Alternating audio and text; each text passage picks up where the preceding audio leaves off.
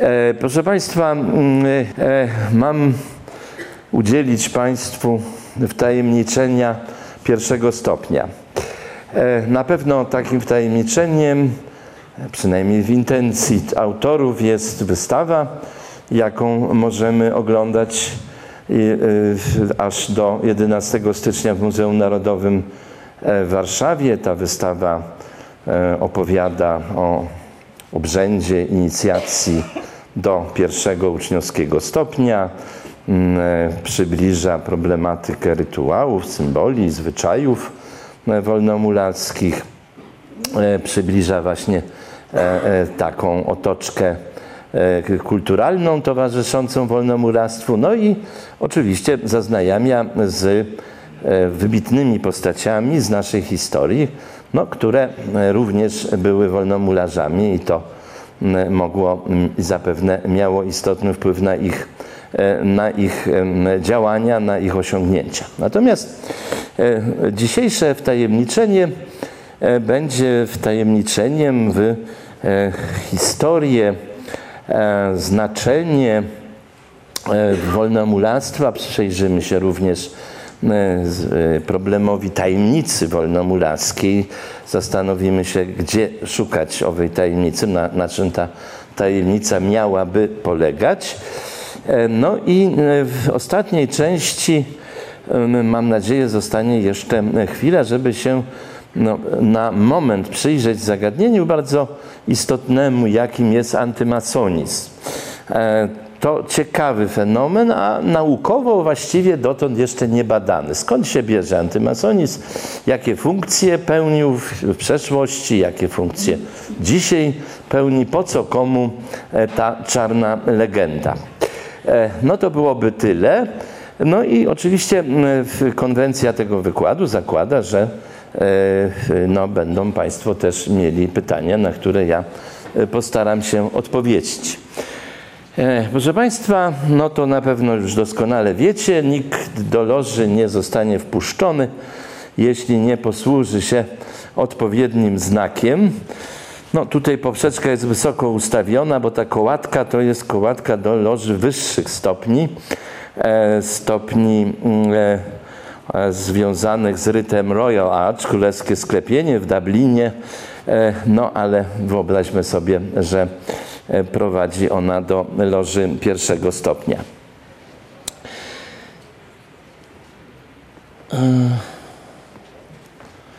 proszę Państwa, e, żeby odpowiedzieć na pytanie, czym jest wolnomulactwo i jaką funkcję spełnia dzisiaj, trzeba sięgnąć do przeszłości, ponieważ ten ruch, który liczy sobie no, w obecnym kształcie E, e, takim, jakim go dzisiaj znamy, liczy sobie 300, nawet trochę ponad 300 lat, mm, e, uformował się, zrodził się na Wyspach Brytyjskich w bardzo mm, specyficznej sytuacji. Był odpowiedzią na wyzwania czasu, tak można powiedzieć. Jakie, jakie to były czasy? Proszę Państwa, czasy były niesłychanie dramatyczne. W 1660 roku E, zakończył się okres dyktatury Cromwella i strasznej, krwawej wojny domowej, wojny domowej, podczas której skazano na śmierć i wykonano wyrok na monarszę.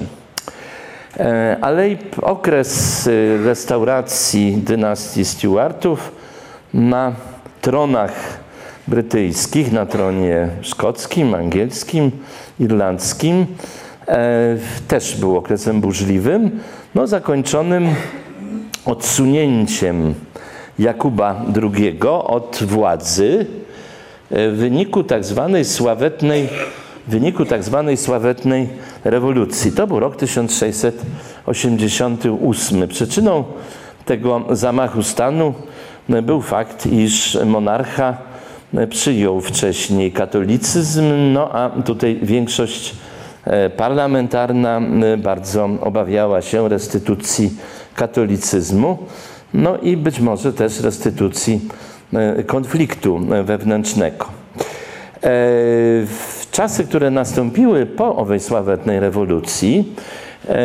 upłynęły pod znakiem z jednej strony dalszych wielkich napięć politycznych, religijnych, tutaj konflikty religijne nakładały się na polityczne, a polityczne wspomagały, pogłębiały konflikty, konflikty religijne.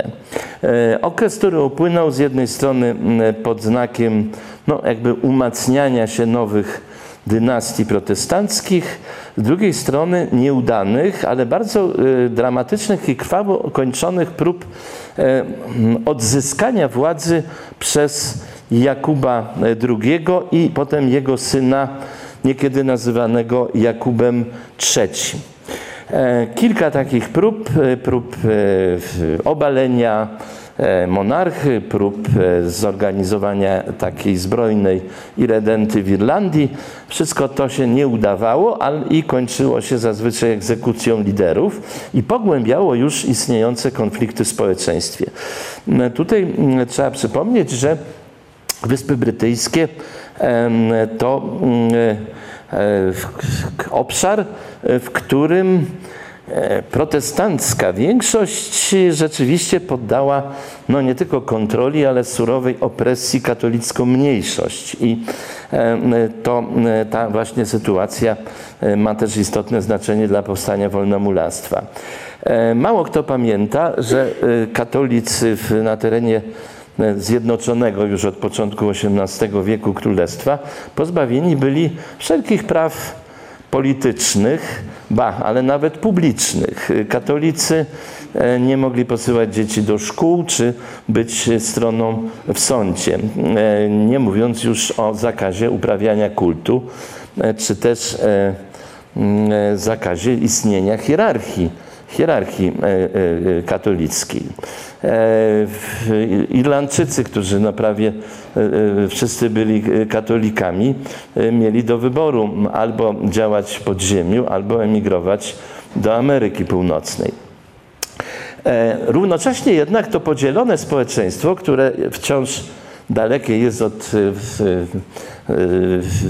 no, jakby powiedzieć, zasklepienia ran, jakie zadała wojna domowa, jest społeczeństwem niesłychanie szybko się rozwijającym. Społeczeństwem dynamicznych przemian społecznych, awansu społecznego, tworzenia się, tworzenia się nowej grupy, którą no, gdzieś tak posługując się naszym dzisiejszym słownikiem socjologicznym moglibyśmy nazwać klasą średnią, bo Anglicy znali takie określenie middle classes, ale, ale to, te middle classes to po prostu były zamożne warstwy ziemiańskie. E, tu chodzi o zupełnie nowych ludzi, o plebejuszy, no, którzy dzięki owym zmianom zachodzącym w gospodarce, w, w stosunkach y, społecznych i politycznych zyskują na znaczeniu. I proszę Państwa, w tak największym już skrócie, y, wolnomulactwo jest formułą samoorganizowania się ludzi na terenie Wysp Brytyjskich, formułą powstałą i tutaj mm, oczywiście jest pewien spór, czy palma pierwszeństwa przypadać ma Anglikom, e, czy też może e, Szkotom, czy nawet Irlandczykom. No, bez względu na to, to jest już taka sprawa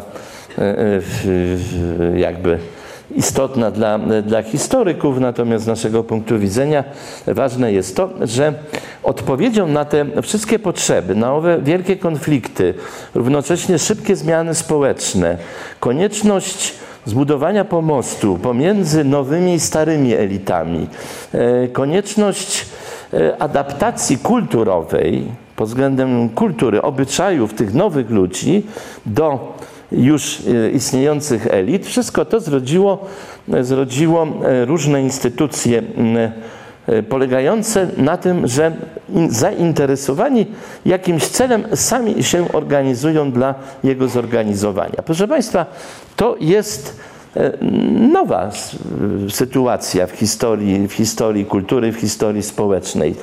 Dotąd ludzie przynależeli do różnego rodzaju instytucji, a to z racji urodzenia, a to z racji religii.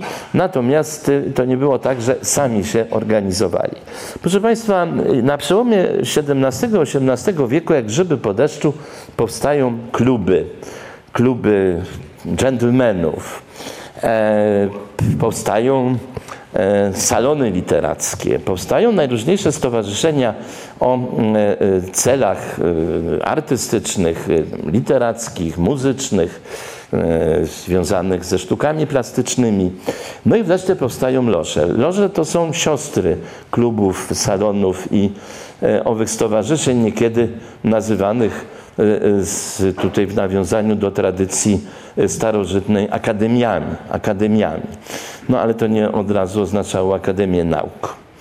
E, oczywiście Akademia Nauk też powstaje w Royal Society, której związki z wolnomulactwem stanowią odrębny, bardzo ciekawy temat.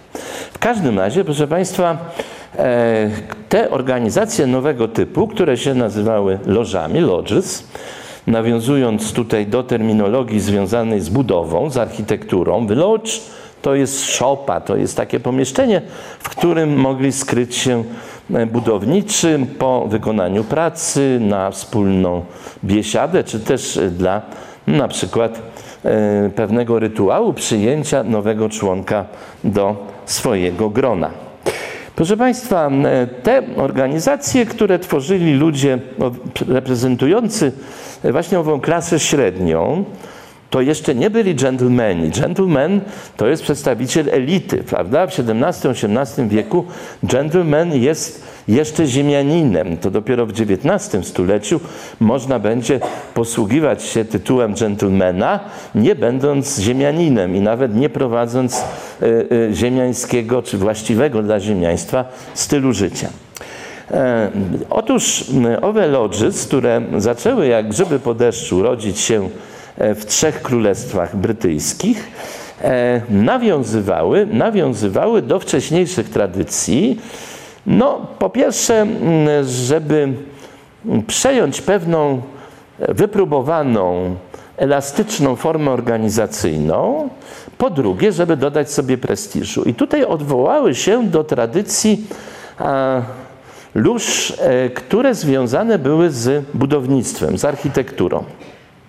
Niekiedy, niekiedy rzeczywiście było tak, że owe instytucje służące, służące budowniczym, no jakby zmieniały funkcję. E, Szkoci, a odegrali tutaj olbrzymią rolę w tworzeniu wolnomuractwa spekulatywnego, uważają, że najstarszą lożą na świecie jest loża e, Mary's Chapel w Edynburgu, która no, z numerem jeden. Tu jest taki zwyczaj, że e, kolejne powstające loże w ramach pewnego systemu, zwanego obediencją, e, te loże otrzymują kolejne numery. E, numery. Mary's Chapel, loża edynburska, powstała w 1598 roku były loże, które powstały wcześniej, ale ona istnieje nieprzerwanie od 1598 roku, co może udowodnić mm, e, protokołami. E, jak to Anglicy i Szkoci nazywają minutami. Minutami, zapisami e, protokolarnymi spotkań właśnie sięgającymi do końca, do końca XVI, XVI wieku. Proszę Państwa, to jest y, jedna z owych tajemnic wolnomulactwa. Jak to się stało? Jakie y, y, mamy etapy pośrednie pomiędzy funkcjonowaniem organizacji cechowych, e, związany z guilds, e, jak, jak e, określają Anglicy, i Szkoci cechy, które to gdzieś już na początku XVIII wieku stają się właśnie rodzajem klubów ludzi zamożnych, e, także e, już ludzi z e, no, wyżyn społecznych, ze świecznika, ze świecznika społecznego. Jest to ciekawe zagadnienie, ale no nie wchodząc tutaj w jego szczegóły, powiedzmy, że na początku XVIII wieku mamy do czynienia z przekształcaniem się takich organizacji o charakterze kulturowo-etnograficznym. To znaczy chodzi o to, że zarówno Szkoci, Irlandczycy, jak i Anglicy podtrzymywali działalność owych lodges, tych cechowych, tych operatywnych, e, dlatego że uważali, że one są takim żywym pomnikiem historycznym. No a to jeszcze miało szczególne znaczenie w Irlandii. W Irlandii, no, która zawsze czuła się e, no, pokonana, prawda, rzucona na kolana przez Anglików, a więc możliwość przeciwstawienia, przeciwstawienia okupantowi e, angielskiemu własnych e, organizacji, własnych zwyczajów miała tutaj olbrzymią cenę. E, I proszę Państwa, już jak mowa o Irlandii, to powiedzmy sobie, że inaczej niż w innych królestwach brytyjskich, w Irlandii mamy taki taki rodzaj symbiozy pomiędzy lożami właśnie tego nowego typu, e, a e, katolicyzmem i kościołem katolickim, który, tak jak powiedziałem, albo musi emigrować do, do Ameryki Północnej, albo działać pod ziemią. Prawda? To tłumaczy, e, dlaczego dzisiaj wiele lóż irlandzkich posiada patronów w osobach biskupów rzymskokatolickich, prawda, co może na przykład dziwić przybysza z Polski, który przywykł do tego, że e, wolnomularstwo jest tutaj nacenzurowanym prawda, w, oczach, e, w oczach hierarchii kościelnej. Proszę Państwa, i te kulturowe stowarzyszenia zaczęły się organizować E, dla celów na przykład takich, żeby e, zwyczajowo już 24 e, czerwca każdego roku zorganizować wielki festyn i piknik. I to jest, proszę Państwa, bardzo przyziemna przyczyna, dla której powstała pierwsza organizacja wolnomularska, Wielka Loża Londynu, Grand Lodge of London, w takim miejscu, którego już dzisiaj nie ma. Jest tam tablica e, ufundowana przez władze miejskie e, w gospodzie pod Gęsią i Rusztem. Tu widzimy e, to miejsce wyglądające skromnie, ale które odgrywało ważną rolę w życiu kulturalnym, w życiu kulturalnym Londynu, ponieważ w tym budynku, zbudowanym na nowo po wielkim pożarze w 1666 roku, znajdowała się pierwsza publiczna sala w której wykonywano koncerty na piętrze, proszę Państwa, tam gdzie ta gęś e, jest widoczna. I tutaj 24 czerwca 1717 roku, to jest taka no, symboliczna data, trzy loże londyńskie, jedna z Westminsteru, zebrały się i postanowiły, że będą wspólnie organizować e, święto mm, e, czerwcowe w roku następnym. I jak mówię, taka oto czysto organizacyjna przyczyna, nie żadna wielka deklaracja ideowa, nie żadne e, dalekosiężne cele, stały się zaczątkiem nowego systemu, który szybko zaczął ewoluować i, proszę Państwa, odniósł niewiarygodny zupełnie sukces. E, przy czym nie był to pierwszy system wolnomularski, jaki upowszechnił się e, w Anglii i później na kontynencie europejskim, ponieważ pierwsze loże tworzyli zwolennicy owego odsuniętego od tronu Jakuba II, którego jeszcze na moment zobaczymy ponownie. W każdym razie mm, ta nowa formuła organizacyjna okazała się niesłychanie atrakcyjna. Do tego stopnia, no, że już kilkanaście lat później Wielka Loża Londynu przekształciła się, zmieniła nazwę na Wielką Lożę Anglii, ponieważ zasięgiem wpływów znacznie, znacznie przekroczyła granicę, granicę Londynu. I z tych czterech lóż na początku w ciągu e, kilkunastu e, lat zrobiło się ponad 300 do 1737 8 roku. To zresztą bardzo ważna data w dziejach wolnomularstwa. I tu, proszę Państwa, żeby sobie uzmysłowić skalę tego rozwoju, oglądamy dzisiejszą siedzibę Wielkiej Loży Anglii, Wielkiej Zjednoczonej Loży Anglii w sercu Londynu przy Great Queen Street. To jest budynek wybudowany ze składek braterskich po I wojnie światowej, którego no, istnienie ma uczcić ofiary, ofiary pamięć ofiar I wojny światowej. No, wtedy nazywanej Wielką Wojną, no i ludziom się wydawało, że to już największa wojna w dziejach. Proszę Państwa, e, do tego sukcesu przyczyniło się szereg mm, e, czynników, ale mm, wymieniłbym tutaj jeden bardzo ważny, a mianowicie legislacja, zebranie różnych przepisów funkcjonujących w przeszłości, skodyfikowanie tych przepisów i nadanie im takiego wymiaru historycznego.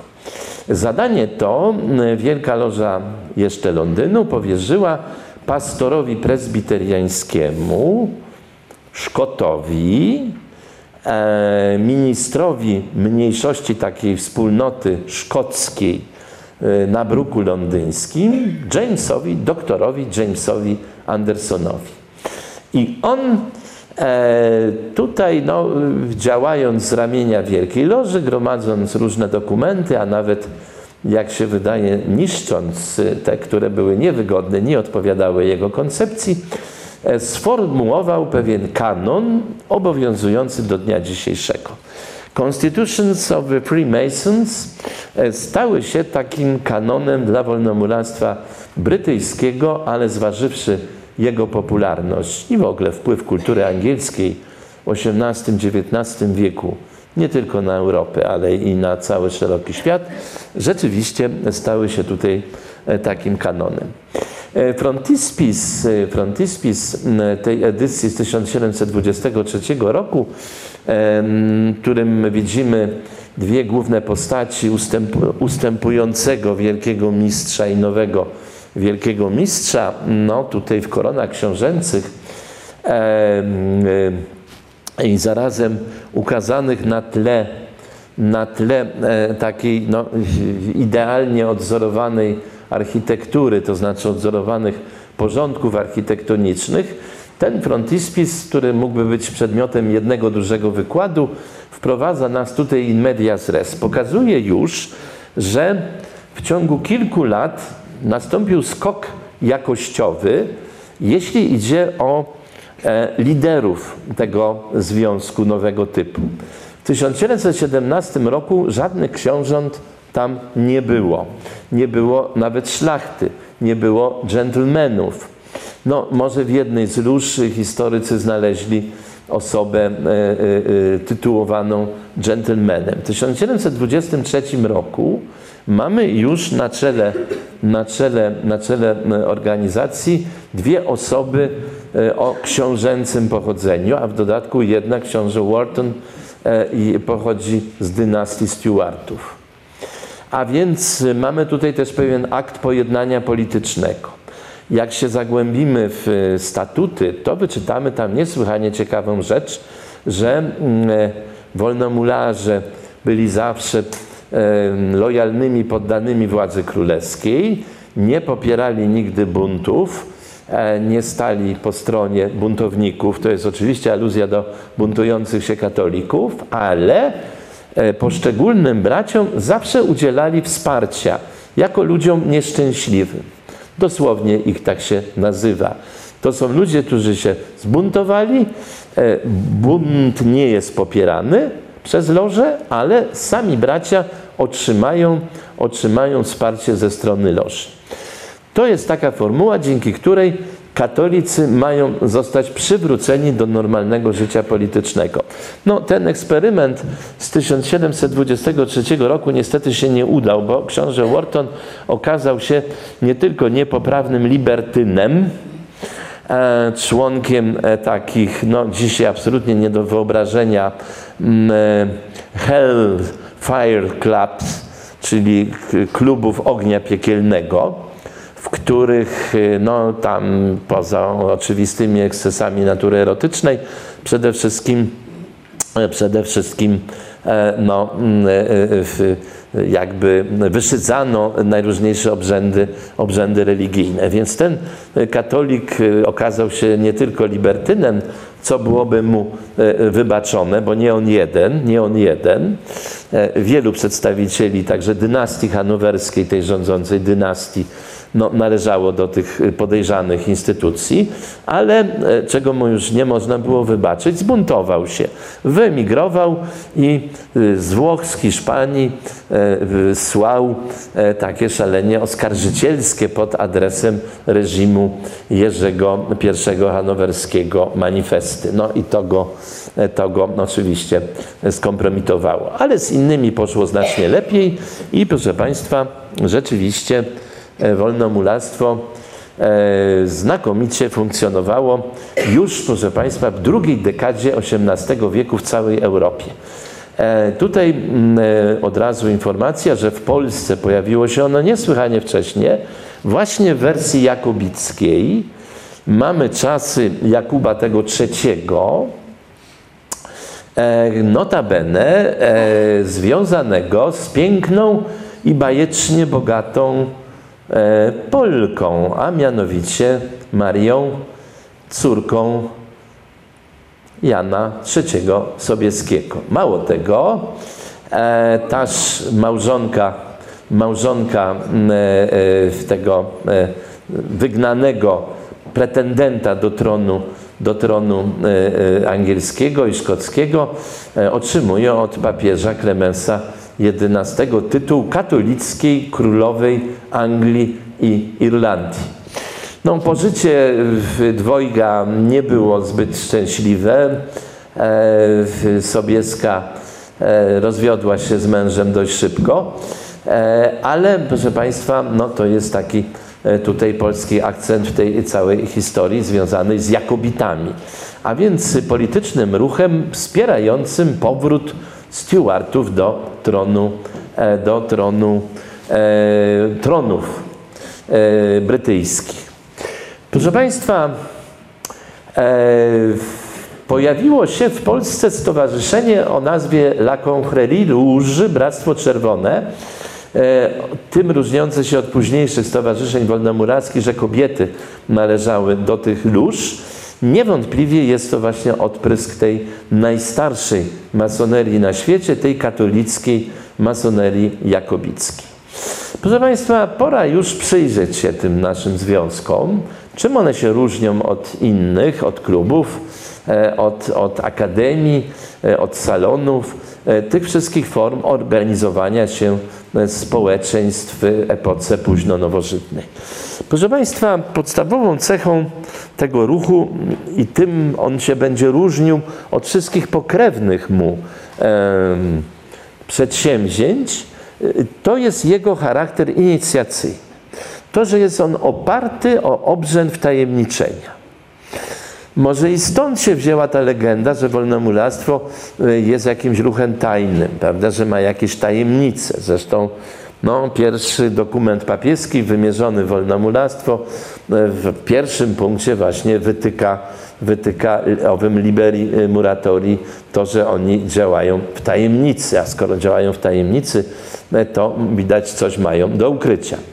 Otóż to nie o tego typu tajemnicę chodzi. Chodzi o wtajemniczenie, e, wtajemniczenie w symbolikę, ale również w ideę wolnomulactwa. Otóż y, diferencja specyfika tego ruchu polega na tym, że on się wyraża tylko i wyłącznie poprzez rytuał, symbole, poprzez swoją obrzędowość. Oczywiście istnieją najróżniejsze deklaracje ideowe, które możemy przeczytać, prawda?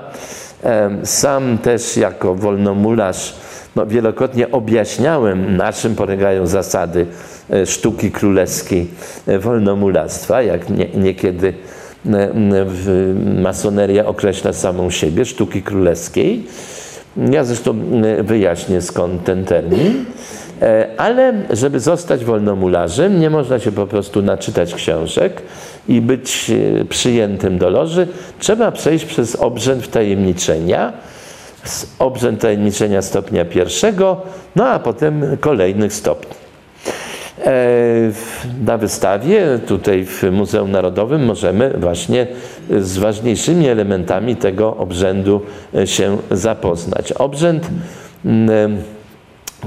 którego zasadniczą częścią jest przejście postulanta, jak się nazywa tego przyszłego wolnomularza, przez cztery oczyszczające żywioły, dzięki czemu on jakby umiera, symbolicznie odchodzi dla świata i rodzi się na nowo dla nowego życia, dla nowych zasad, które no, uroczyście przysięga obserwować. E, zaczyna się ten obrzęd w Izbie Rozmyślań, gdzie mm, e, postulant spisuje tak zwany testament filozoficzny, e, czyli odpowiada na trzy pytania, co chciałbyś uczynić dla siebie, dla swojego kraju, dla ludzkości. Ten testament filozoficzny zostanie odczytany w loży i po nim nastąpi czwarte, ostatnie głosowanie. Tutaj te głosowania są aż cztery. Po pierwszym głosowaniu zwykłą większością e, głosów rozpoczyna się procedurę przyjęcia, powołuje się komisję, którą w polskim wolnomularstwie nazywamy komisją inwestygacyjną, no i e, już od tego momentu e, można mieć tylko jeden głos negatywny, jedną czarną kulę, bo głosuje się kulami. Proszę Państwa, te symbole tutaj widoczne, czaszka, klepsydra, kogut, e, z jednej strony nawiązują do pewnych uniwersalnych, łatwo czytelnych symboli, e, także chrześcijańskich. Kogut to takie staro chrześcijańskie przedstawienie Chrystusa. Jest tutaj symbolem zmartwychwstania, odrodzenia. Ale proszę Państwa, do wolnomularstwa symbolika ta przywędrowała za pośrednictwem alchemii. Dwa są główne źródła tej niesłychanie bogatej symboliki. E, pierwszym jest architektura, o czym tutaj mówiłem. Architektura, sztuka budownictwa, sztuka wznoszenia gmachów. A drugim e, właśnie alchemia. Wszystkie te często sięgające starożytności wyobrażenia zostają jednak w wolnomuractwie przetworzone na gruncie idei oświeceniowych i mm, przyporządkowane właśnie bardzo nowoczesnemu programowi społecznemu. Proszę Państwa, mm, tutaj myślę, e, trzeba by dotknąć zasadniczego symbolu e, dla wolnomularstwa, a mianowicie e, symbolu, jakim jest wielki architekt, a w tej starej, staropolskiej jeszcze nomenklaturze masońskiej, wielki budowniczy wszechświata. E, to zdjęcie pokazuje, nie tylko dlatego, że jest ładne, one, tak jak i poprzednie, pochodzą z wystawy poświęconej wolnomularstwu, jaka, jaka miała miejsce w Toruniu w 2008 na 2009 roku. E, piękna to była wystawa, aczkolwiek różna, różna od tej, e, którą możemy dzisiaj oglądać w Muzeum Narodowym. I tutaj na pierwszym planie na tak zwanym ołtarzu ruchomym widzimy trzy przedmioty. Może ten jeden jest słabo widoczny. Mianowicie Biblia, e, księgi Starego i Nowego Testamentu, węgielnica i cyrkiel. Cyrkiel jest tutaj tak po prawej stronie otwarty, prawda? Może, a widać go. Ja tutaj patrzę na e, na drugim planie, tak zwany ołtarz stały, czyli e, stół, e, za którym zasiada czcigodny loży, czyli przewodniczący loży, w, znowu w starej polskiej nomenklaturze nazywany wielebny. Proszę Państwa, e, węgielnica, cyrkiel i Biblia tworzą taką nierozerwalną całość.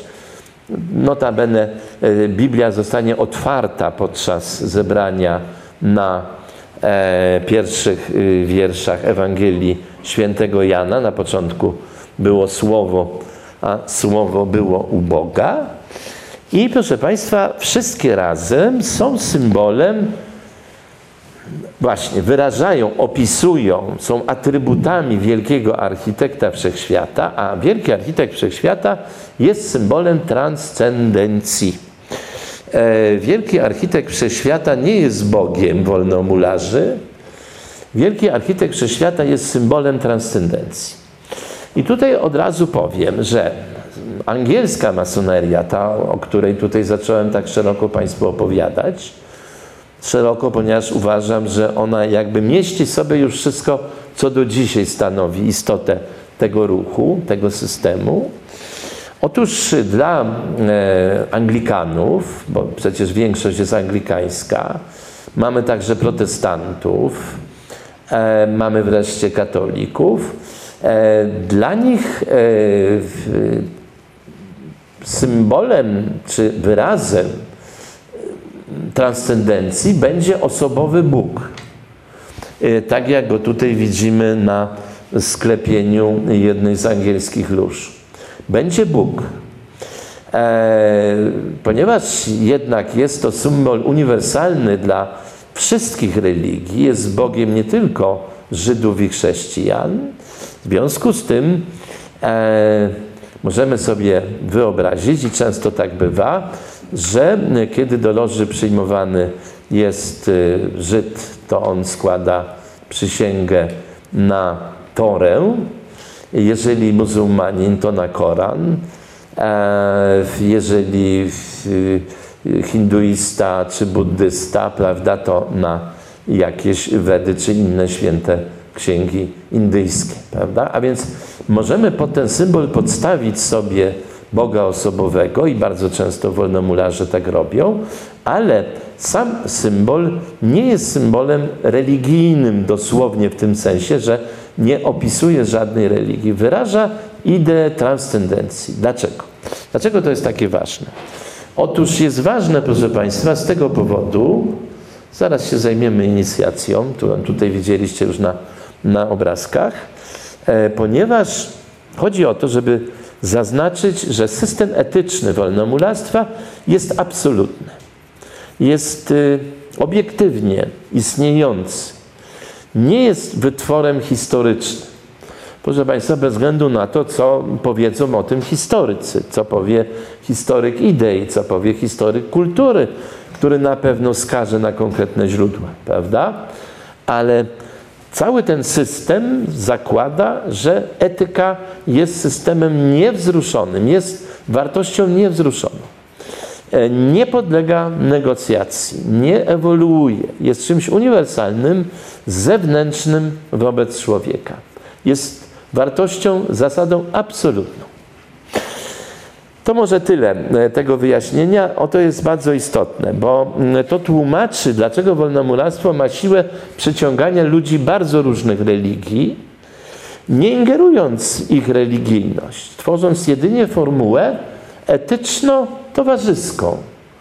I tutaj, proszę Państwa, e, trzeba bardzo mocno podkreślić, tu się bierze jakieś wielkie nieporozumienie, czasami oczywiście świadomie podtrzymywane, pewien błąd, e, przy którym krytycy wolnomuractwa tkwią niekiedy świadomie, bo jest wygodny, e, a polega on na tym, że mówi się, ach, masoni to jest rodzaj religii, to jest rodzaj sekty, bo oni mają swojego Boga, który się nazywa Wielkim Architektem Wszechświata i oni składają przysięgę na Wielkiego Architekta Wszechświata. Nie, nie mają Boga, Wielkiego Architekta Wszechświata, nie składają przysięgi. Chrześcijanin, który składa przysięgę na Biblię, składa przysięgę na Księgę objawioną, na świętą księgę, nie na wielkiego architekta. Prawda? Wielki architekt jest tylko zwornikiem dla tych wszystkich religii. E, I tutaj od razu, mm, jak jesteśmy przy tym temacie związanym z religią, bardzo ważnym, bo proszę Państwa, przypomnijmy, wolnomuractwo powstaje po to, żeby godzić zwaśnione, śmiertelnie zwaśnione religie e, na Wyspach Brytyjskich. No a potem tę swoją funkcję przeniesie do innych krajów, prawda? Także niekiedy podzielonych, prawda? Trawionych gorączką wojen religijnych czy wojen domowych. E, otóż, e, proszę Państwa, e, wolnomulactwo e, wymaga, wymaga, jeżeli już ktoś deklaruje, deklaruje wiarę, żeby ta wiara była szczera, natomiast jakby na tym kończy e, swój kontakt ze, ze sferą religijną. Jakby do tej sfery się nie wtrąca i jakby pozostawia to jako sferę prywatną, prywatną każdego członka loży. Jest oczywiście nurt w wolnomuractwie taki, który mm, świadomie jakby zrywa z tą formułą. Ten nurt zrodził się we Francji w drugiej połowie XVIII wieku, reprezentowany był i jest przez potężną organizację wolnomuracką zwaną Grand Orient de France, Wielki Wschód Francji. No ale właśnie z tego powodu i także z powodu zaangażowania w politykę, o polityce zaraz będę mówił, został no, jakby e, e, wykreślony z listy przyjaciół e, Wielkiej Zjednoczonej Loży Anglii. I proszę Państwa, ostatnia rzecz, która dotyczy religii, E, a mianowicie stosunku kościołów do wolnomuractwa. Stosunek wolnomuractwa do kościołów już przedstawiłem, jest otwarty. Wolnomuractwo nie, e, nie różnicuje tutaj, prawda, nie tworzy żadnej hierarchii, nie wskazuje na kościoły lepsze czy gorsze. Natomiast stosunek kościołów chrześcijańskich e, do wolnomuractwa jest bardzo zróżnicowany. E, papiestwo, instytucja stojąca na czele Kościoła e, rzymskokatolickiego, e, wyraziło swój stosunek do wolnomuractwa w szeregu dokumentów.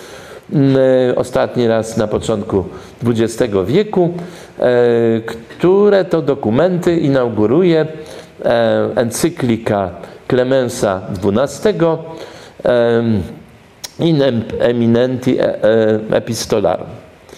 E, apostolarum. E, proszę Państwa, e, ta encyklika punktuje trzy powody, dla których magisterium papieskie, urząd papieski zabrania katolikom wstępowania do lóż. Trzy są powody. Pierwszy powód to jest taki, o którym wspomniałem, że masoni mają jakieś tajemnice, no a nie godzi się mieć tajemnice przed innymi ludźmi. E, drugi powód, że e, e, masoni głoszą, tu się używa różnych bardzo mocnych przymiotników, ale te przymiotniki są stosowane. Między innymi pojawia się określenie aroganckie, bezczelne, bezczelną tezę, jakoby wszyscy ludzie byli sobie równi. No, umówmy się, że ten zarzut jakby z czasem przestał istnieć. No, Kościół już nie stoi na stanowisku nierówności ludzi, prawda? E, I wreszcie trzeci zarzut, najpoważniejszy, jest taki, że tutaj się używa bardzo mocnych określeń. Y,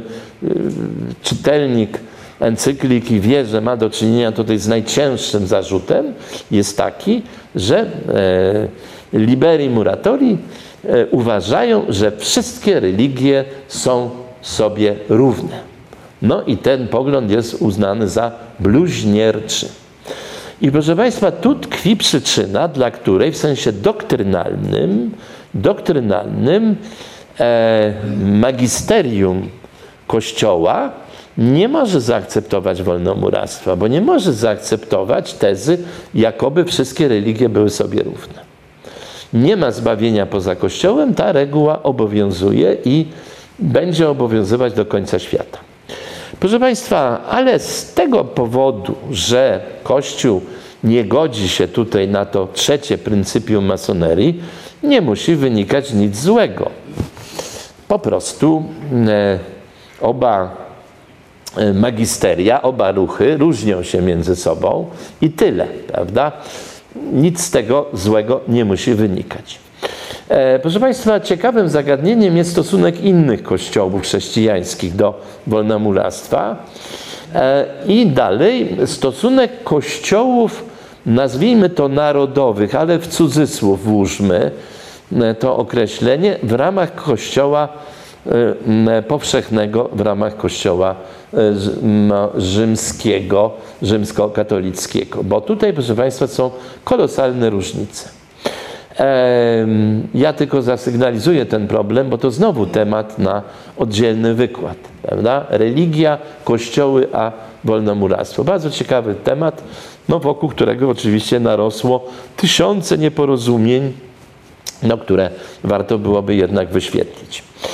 Proszę Państwa, na drugim jakby biegunie, na drugim biegunie mamy kościoły reformowane, na przykład kościoły luterańskie jako kościoły narodowe, no choćby w Skandynawii czy w północnych Niemczech.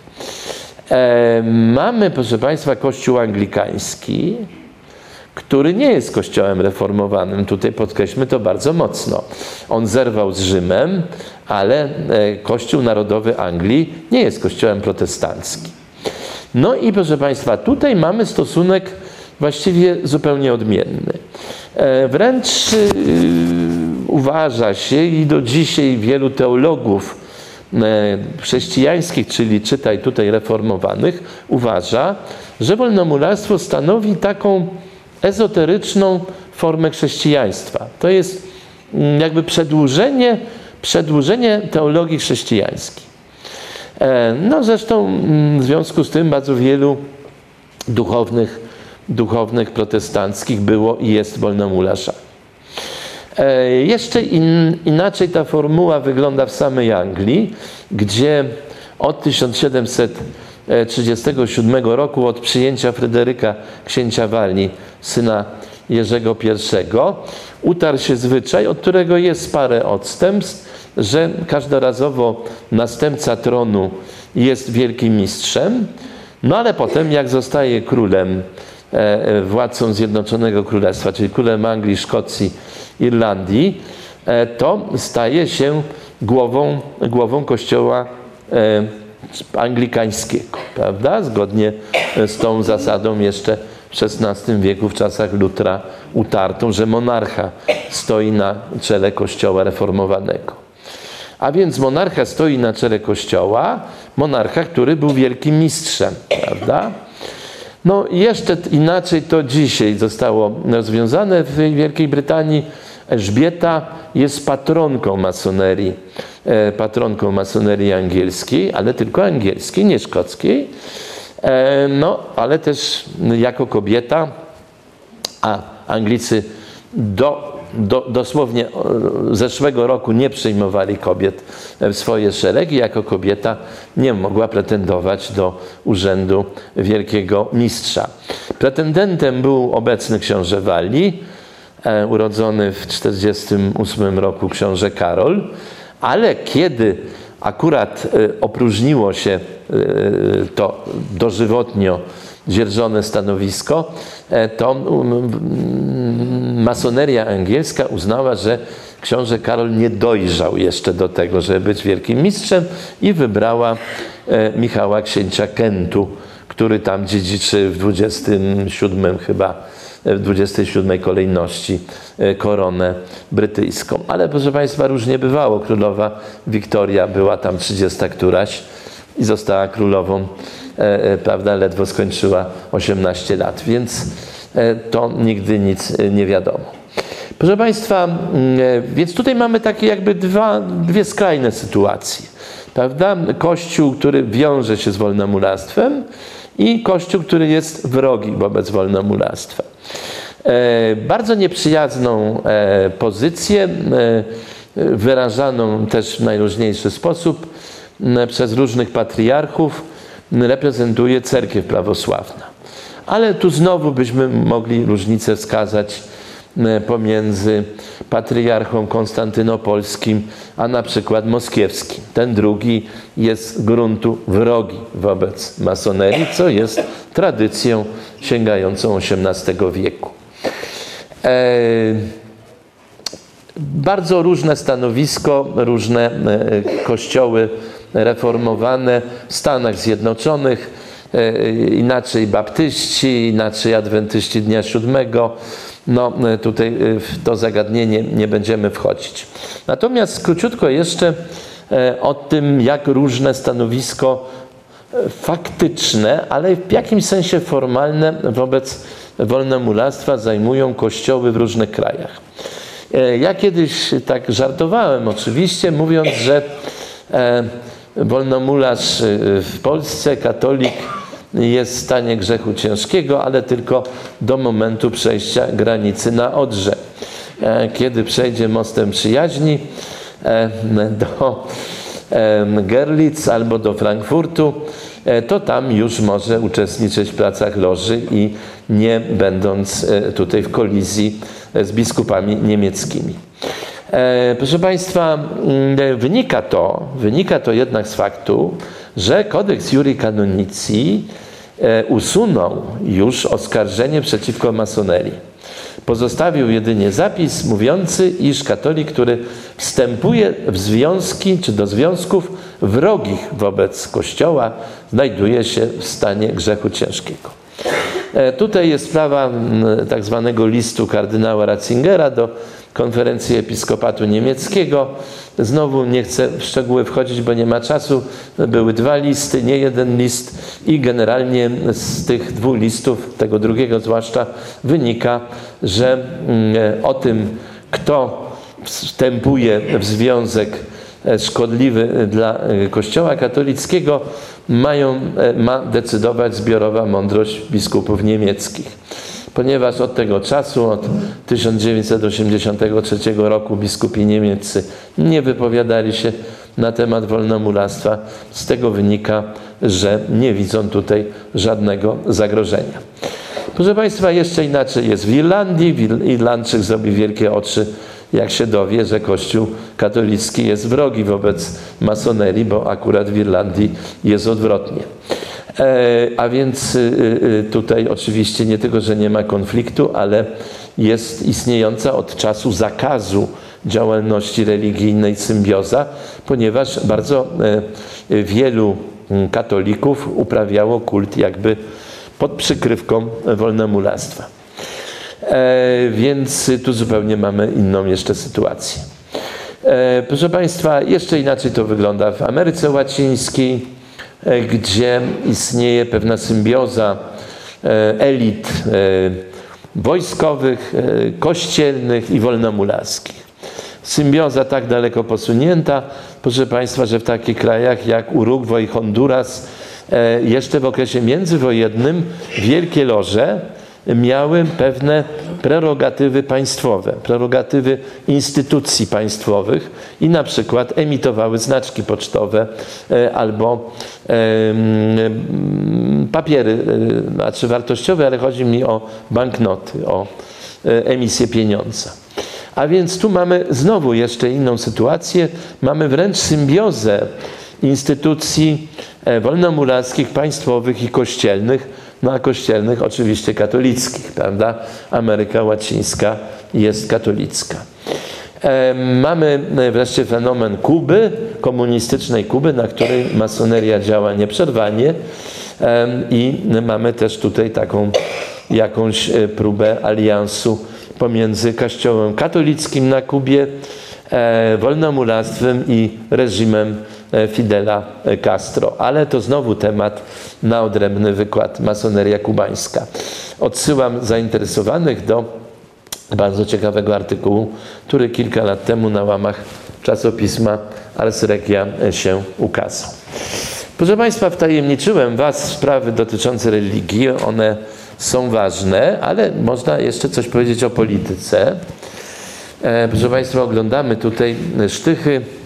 Pierwszy Martina Bernigerota, ten czarno-biały z 1742 roku, to jest najstarsze, miarodajne przedstawienie inicjacji wolnomurackiej.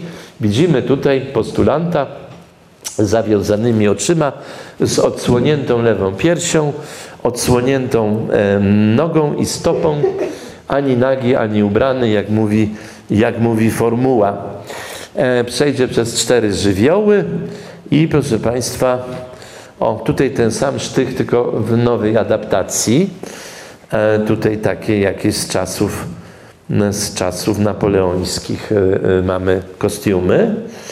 I proszę Państwa, decydujący, kulminacyjny moment, który też możemy oglądać na wystawie, udzielenie światła, nazywa się ów moment, kiedy zdjęta zostaje tutaj, zwróćcie Państwo uwagę, ściąga zasłonę z oczu, e, z oczu tego postulanta. On to też świetnie ten rysunek pokazuje. Takim niewidzącym wzrokiem spogląda.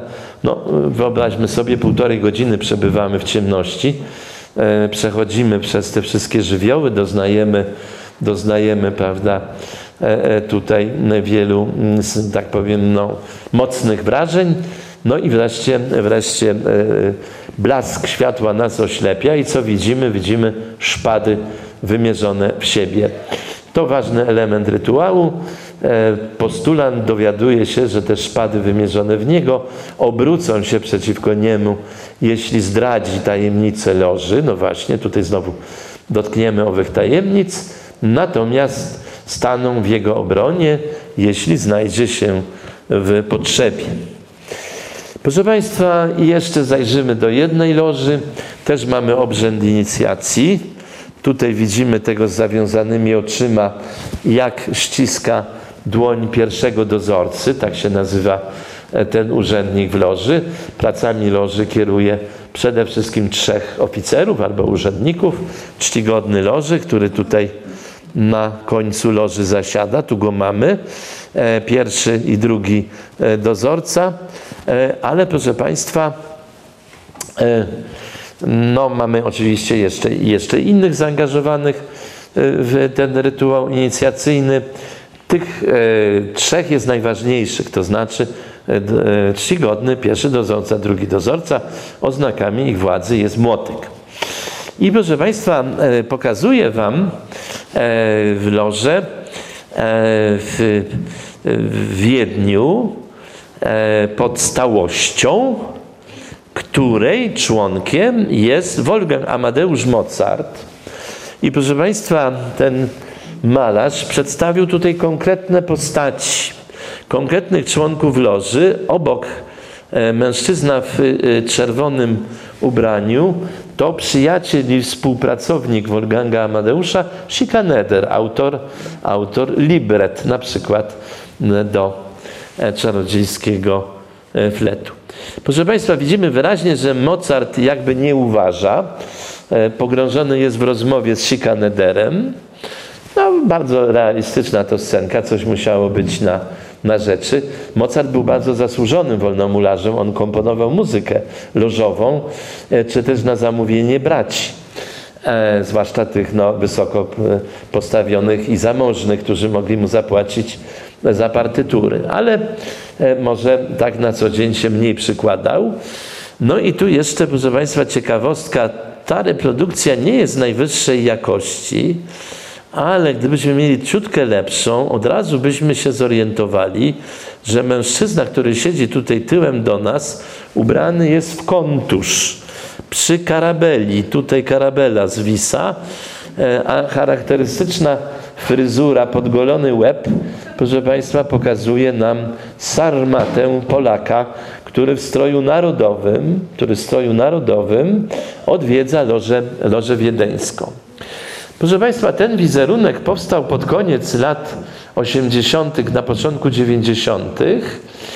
E, to jest czas, kiedy, proszę Państwa, obraduje Sejm Wielki w Warszawie i posłowie i w ogóle brać szlachecka e, dla podkreślenia swoich narodowych, patriotycznych uczuć porzuca modne stroje francuskie czy angielskie i przywdziewa znowu strój narodowy.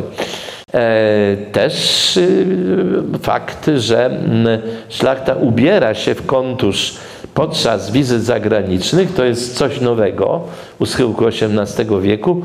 Mm, to, to, nawet nie jest powrót do dawnych obyczajów, to jest po prostu nowy obyczaj. I tutaj ten, ten kronikarz, ten fotograf e, działający w XVIII wieku uwiecznił właśnie takie różne postaci. E, tu zwróćmy uwagę na osobę duchowną, w tej białej szacie. E, proszę Państwa, obecność duchownych katolickich w lożach w XVIII wieku była czymś zupełnie oczywistym. E, dwóch polskich arcybiskupów i e, zarazem prymasów należało do masonerii w XVIII wieku, Podowski, Ostrowski, a mm, Poniatowski No, jeżeli nie był wolnomularzem, nie mamy na to dowodów, to na pewno był wielkim sympatykiem wolnomularstwa. Proszę Państwa, e, e, przenieśmy się mm, w świat polityki. Znajdujemy się tu akurat w świątyni, jak się mówi niekiedy o e, salach, których loże obradują, e, Wielkiej Loży Irlandii, Dublinie. Loża ma wystrój błękitny. I tutaj, proszę Państwa, jeszcze taka informacja. E, całe wolnomularstwo dzielimy jakby na dwa nurty, na dwa poziomy. Na wolnomularstwo błękitne, nazywane również symbolicznym albo świętojańskim, to jest to wolnomularstwo bazujące na staroangielskim wzorze e, trzech stopni wtajemniczenia. Przy czym ten środkowy, drugi czeladniczy powstał bardzo późno, bo dopiero w XVIII wieku.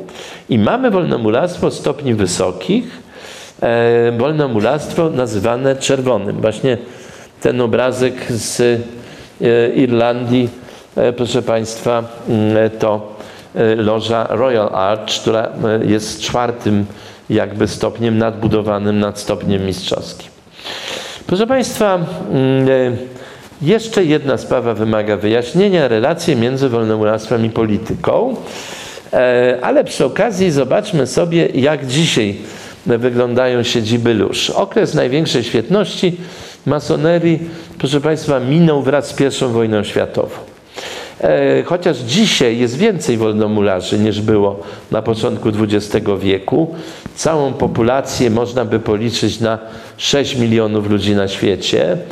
No, od kryterium zależy czy 6, czy na przykład 8, jak niektórzy liczą, 8 milionów, 3,5 milionów w Stanach Zjednoczonych, ale ruch rzeczywiście w sensie ilościowym, w sensie kapitału, potencjału ekonomicznego, jakim dysponował, osiągnął swoje apogeum na początku XX wieku.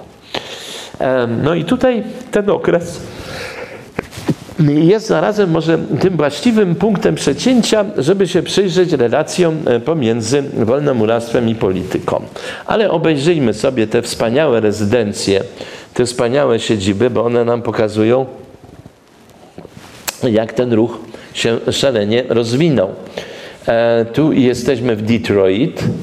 E, tutaj, proszę Państwa, mamy siedzibę rytu szkockiego, a więc właśnie tych wyższych stopni dystryktu południowego e, w Waszyngtonie przy 16 Alei znajdujemy się 500 metrów od ambasady Rzeczypospolitej Polskiej. To jest taka ulica, właśnie ambasad, siedziby kościołów, no i siedziby różnych obediencji e, wolnomularskich.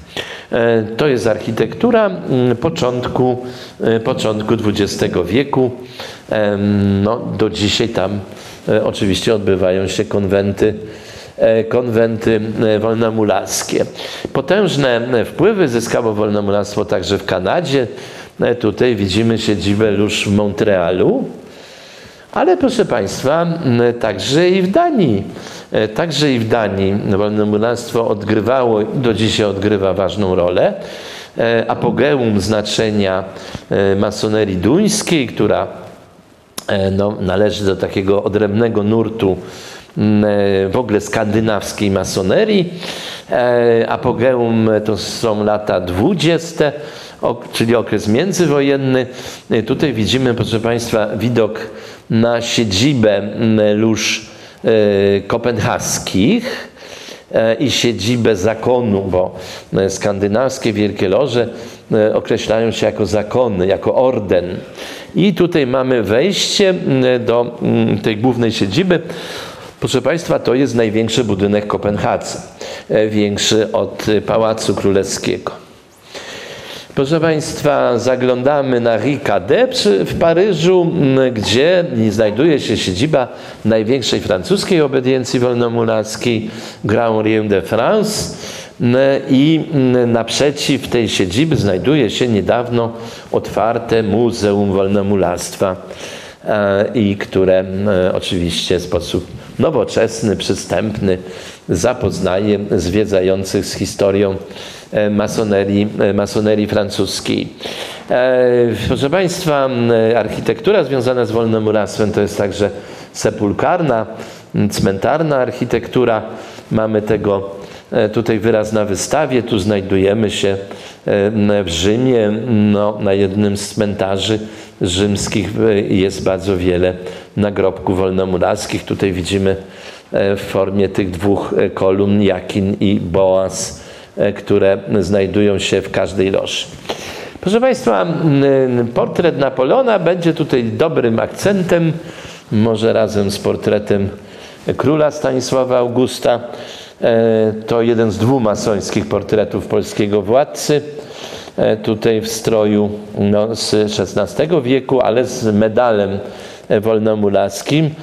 Trzy, proszę Państwa, ważne tutaj będą postaci takie jak Jan Henryk Dąbrowski, Ignacy Potocki, współautor Konstytucji 3 maja, czy proszę Państwa król Polski, przedostatni koronowany król Polski i car wszech Rosji Aleksander I, który też był wolnomularzem. Proszę Państwa, wolnomuractwo angielskie z definicji było apolityczne. Bardzo przestrzegało zasady przeźroczystości, apolityczności. Dlaczego? Bo ono po to powstało, żeby godzić zwaśnione strony. Godzić zwolenników dynastii hanowerskiej ze zwolennikami e, dynastii Stuartów, torysów z Wigami, e, ludzi e, ze świecznika arystokratycznego z tą nową klasą. Aby tę misję wypełnić, wolnomuractwo ówczesne i tak samo obecne musi być, jak ja mówię, przeźroczyste, neutralne pod względem politycznym. Inaczej tej swojej funkcji nie pełni. Ale proszę Państwa, jest tutaj jednak pokusa. Jest tutaj pokusa. E, pokusa ze strony samego wolnomuractwa. Tej pokusie e, uległa e, owa wspomniana tutaj obediencja francuska, Wielki Wschód Francji. I w III Republice Francuskiej Wielki Wschód Francji zaangażował się w kampanię polityczną, której celem był całkowity rozdział państwa od kościoła i zeświadczenie, pełne zeświadczenie przestrzeni publicznej. A więc wyrugowanie wszystkich symboli religijnych z przestrzeni publicznej, co do dzisiaj we Francji obowiązuje i na przykład skutkuje tym zakazem noszenia chust, prawda, muzułmańskich jako symbolu religijnego. E, proszę Państwa, e, to jest pokusa. Tej pokusie uległo kierownictwo, e, kierownictwo e, Wielkiego Wschodu Francji, które zabrało głos w politycznej dyspucie. Proszę Państwa, ale to jest wyjątek od reguły. Bardzo rzadko wolnomuractwo się ujawnia politycznie. E, było tak w okresie międzywojennym w Meksyku, było właśnie na, na, na przełomie XIX-XX wieku we Francji, ale to są, proszę Państwa, przypadki rzadkie. W Polsce na przykład, e, w Polsce, e, gdzie wyglądało na to, że po przewrocie majowym będziemy mieli symbiozę masonerii z państwem, z reżimem, prawda, z sanacją, okaże się, że jednak liderzy Wielkiej Loży Narodowej Polski, Andrzej Struk, czyli Tadeusz Gałecki, Stanisław Stępowski i inni wielcy mistrzowie bardzo jednak tego pilnowali, żeby nie doszło do takiej symbiozy i zresztą kosztowało to wyrzucenie z loży bardzo wielu ludzi bliskich, bliskich Piłsudskiemu, a, których po prostu relegowano z lóż. Kilku Piłsudczyków pozostało, między innymi Stanisław Patek e, czy Kordian Zamorski, komendant główny Policji Państwowej, ale większość tych pułkowników, przyjaciół e, Piłsudskiego, takich osób jak e, Wieniawa Długoszewski, Walery Sławek, Śmigłyryc, e, Koc, oni zostali usunięci. Natomiast, proszę Państwa, ciekawym przypadkiem jest epoka napoleońska. Polskie wolnomuractwo kwitnie, kwitnie pod rządami Napoleona w księstwie warszawskim. Na jego czele stoi Stanisław Kostka-Potocki który równocześnie jest premierem rządu. e, buduje wielki program, e, wielką wizję odnowienia, zrekonstruowania Rzeczypospolitej u boku Napoleona, a Napoleon, cesarz Francuzów, sam nie będąc wolnomularzem, ogłasza się protektoratem masonerii francuskiej i znakomicie wykorzystuje Wielki Wschód Francji, ale także organizacje takie jak Wielki Wschód Narodowy Polski, mm, e, czyli zrekonstruowaną masonerię polską, zrekonstruowaną po trzecim rozbiorze, znakomicie wykorzystuje jako, jako mm, element swojej władzy. Ale proszę Państwa, jeszcze inna sytuacja. Jan Henryk Dąbrowski, e, twórca Legionów Polskich, no, bohater narodowy, E, który zostaje przyjęty do Wielkiego Wschodu Włoch, do masonerii włoskiej, osiągnie tam najwyższe stopnie wtajemniczenia, dojdzie do 29 e, stopnia i proszę Państwa, który z kolei zorganizuje swoje legiony na wzór wolnomularski. Prawda? A więc organizacja, jaką zaproponuje, stosunki, relacje e, między oficerami i żołnierzami, zasady, że ludzie wolni są braćmi, E, tę zasadę wziętą z życia lożowego użyje dla zintegrowania, scementowania tej społeczności no, emigracyjnej, prawda?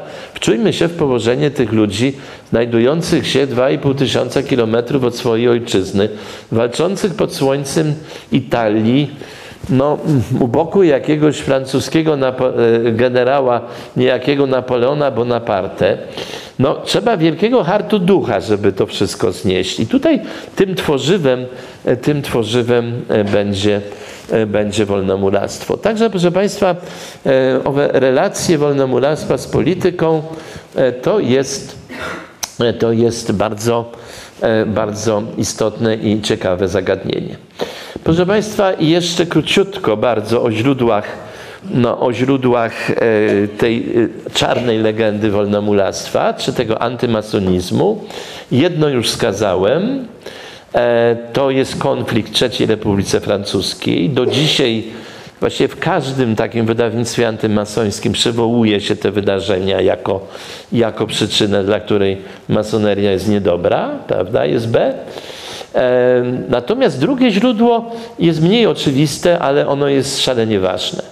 Proszę Państwa, trzeba pojechać do Włoch, trzeba e, porozmawiać z przedstawicielami establishmentu włoskiego, arystokracji włoskiej, ludzi związanych z kurią rzymską, żeby się zorientować, jak kolosalne znaczenie do dzisiaj ma fakt zjednoczenia Włoch i likwidacji państwa kościelnego.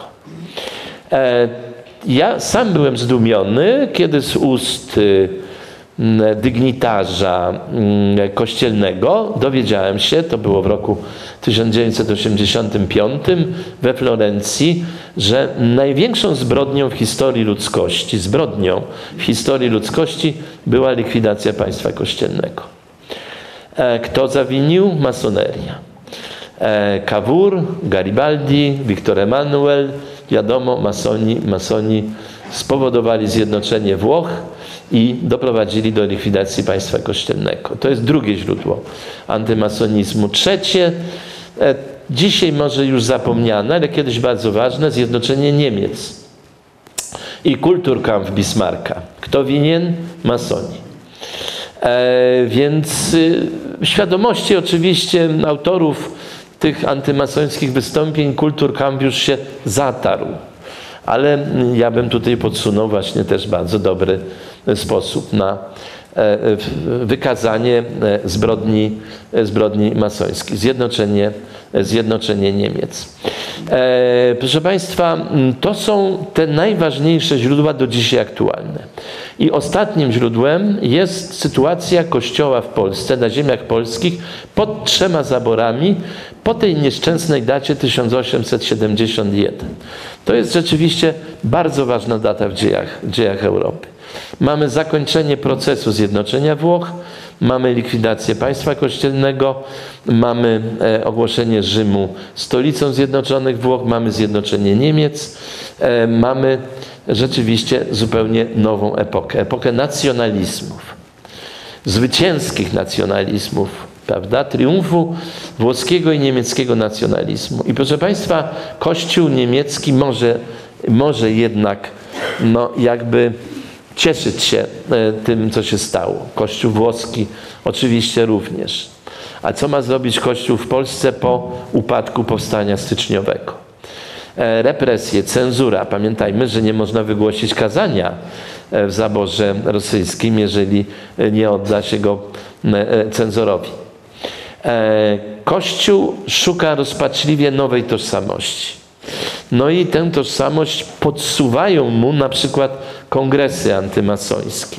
Kongresy antymasońskie organizowane, proszę Państwa, przez e, e, pod, koniec, pod koniec wieku e, pod koniec wieku XIX, e, czy w wyniku działalności takiego hochsztaplera francuskiego Leo Taxila, e, który no, mm, e, udostępnił sensacyjne, niesłychanie materiały pokazujące sataniczne kulty e, w obrębie lóż i spowodowało to e, zorganizowanie Wielkiego Kongresu Antymasońskiego w 1891 roku.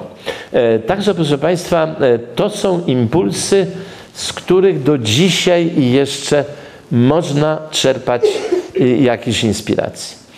E, I na tym, na tym bym zakończył mój wykład, dodając jedynie, że istnieje także biała legenda masonerii.